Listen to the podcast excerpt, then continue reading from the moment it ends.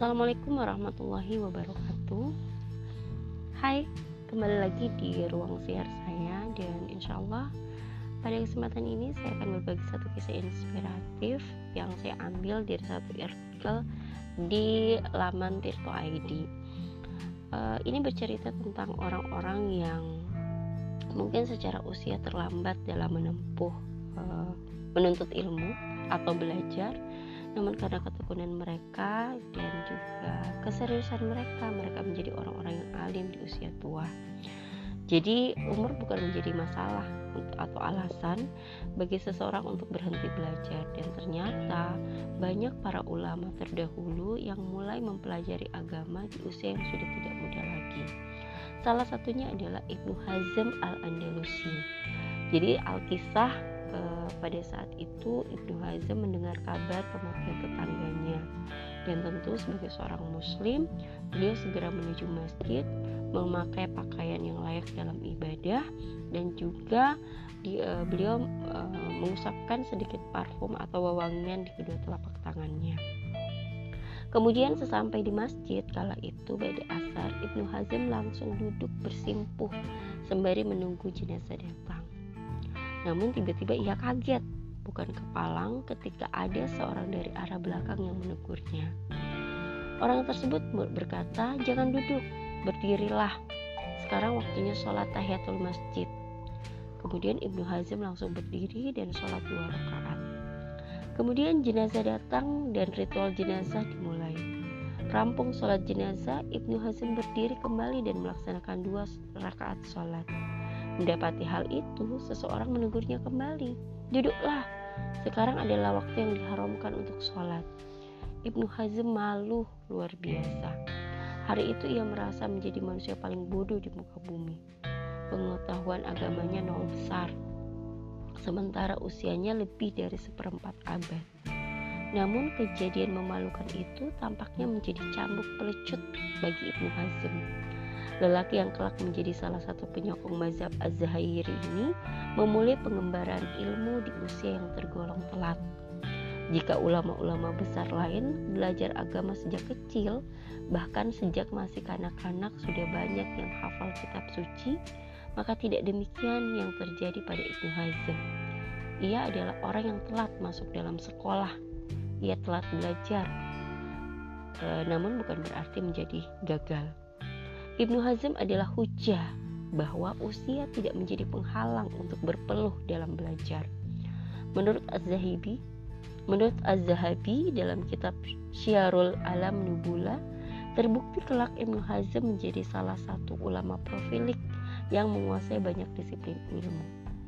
Apa yang dialami ilmu Ibnu Hazm al-Andalusi 11-12 dengan dengan jalan yang ditempuh Zakaria al-Ansori Ulama Moncer ini dari mazhab eh, Syafi'i juga memulai belajar pada usia 26 tahun.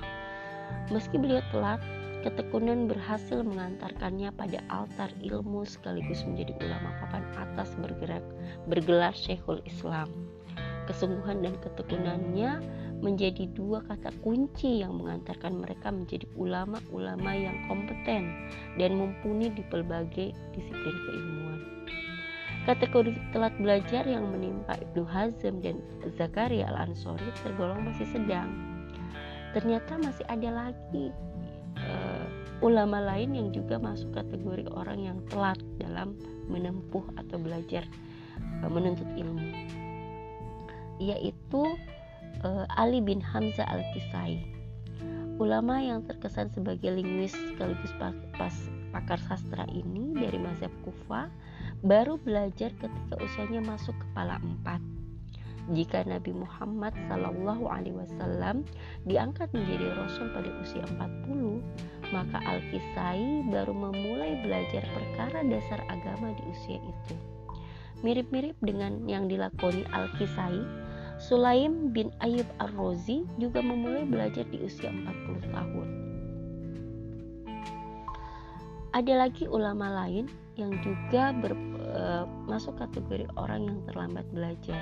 Beliau adalah ulama fikih brilian dari mazhab Syafi'i yang bernama Al-Qafa Al-Mawarzi. Lelaki yang berprofesi sebagai tukang duplikat kunci ini sampai usia 40 tahun hidup dalam kegelapan. Ia tidak mengerti agama sama sekali. Ia hanya sekadar menjalani hidup dan memenuhi kebutuhan. Ia kerja lembur dan banting tulang untuk memenuhi kebutuhan hidup sehari-hari. Belajar di usia yang tergolong sudah matang membuat kesulitan. Daya ingat yang sudah mulai menurun diceritakan sempat menjadi penghalang utama yang merontokkan semangat Al-Kafai. Al-Kafal. Namun kegigihan dan ketekunannya serta motivasi dari guru-gurunya berhasil memompa ban kempis ke semangatnya. Ia menjadi pribadi yang haus ilmu. Ia belajar dari pagi sampai larut. Ketekunan itulah yang mengantarkannya menjadi pribadi yang cemerlang dan sigani di bidang ilmu fikih di kalangan mazhab Syafi'i. Ia meninggal di usia 80 tahun. Banyak ulama yang mengatakan bahwa Al-Kafal adalah contoh terbaik bagaimana Tuhan memberikan skenario pencerahan kepada hambanya. Separuh hidupnya ada di dalam kegelapan dan kejahilan, sementara separuh yang lain berhasil dijalaninya dalam gemerlap cahaya yang cemerlang.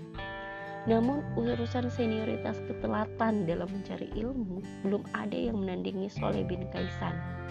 Seperti yang dikisahkan dalam kitab Tazibut Tazib, lelaki alim ini baru memulai belajar dan mencari ilmu di usia jauh meninggalkan batas usia pensiun pegawai. Dia belajar agama pada saat usia masuk kepala tujuh. Meskipun sangat telat, banyak riwayat menyatakan ketangguhan ingatan Soleh bin Kaisan dalam menghafal hadis sehingga kerap mengalahkan perawi-perawi lain yang usianya lebih muda. Ulama-ulama yang memiliki ketekunan luar biasa hidup tidak berdasarkan angka hitungan usia. Umur diperlakukan sebagai deretan angka semata, sementara semangat, integritas, dan kesungguhan dalam belajar adalah kunci utama mengapa mereka bisa move on dari kehidupan yang penuh kejahilan ke arah cahaya ilmu pengetahuan. Inilah jalan pencerahan yang dalam bahasa Quraisy Shihab disebut sebagai atorik al-ishraqi atau pencerahan batin. Masya Allah, semoga bermanfaat. Wassalamualaikum warahmatullahi wabarakatuh.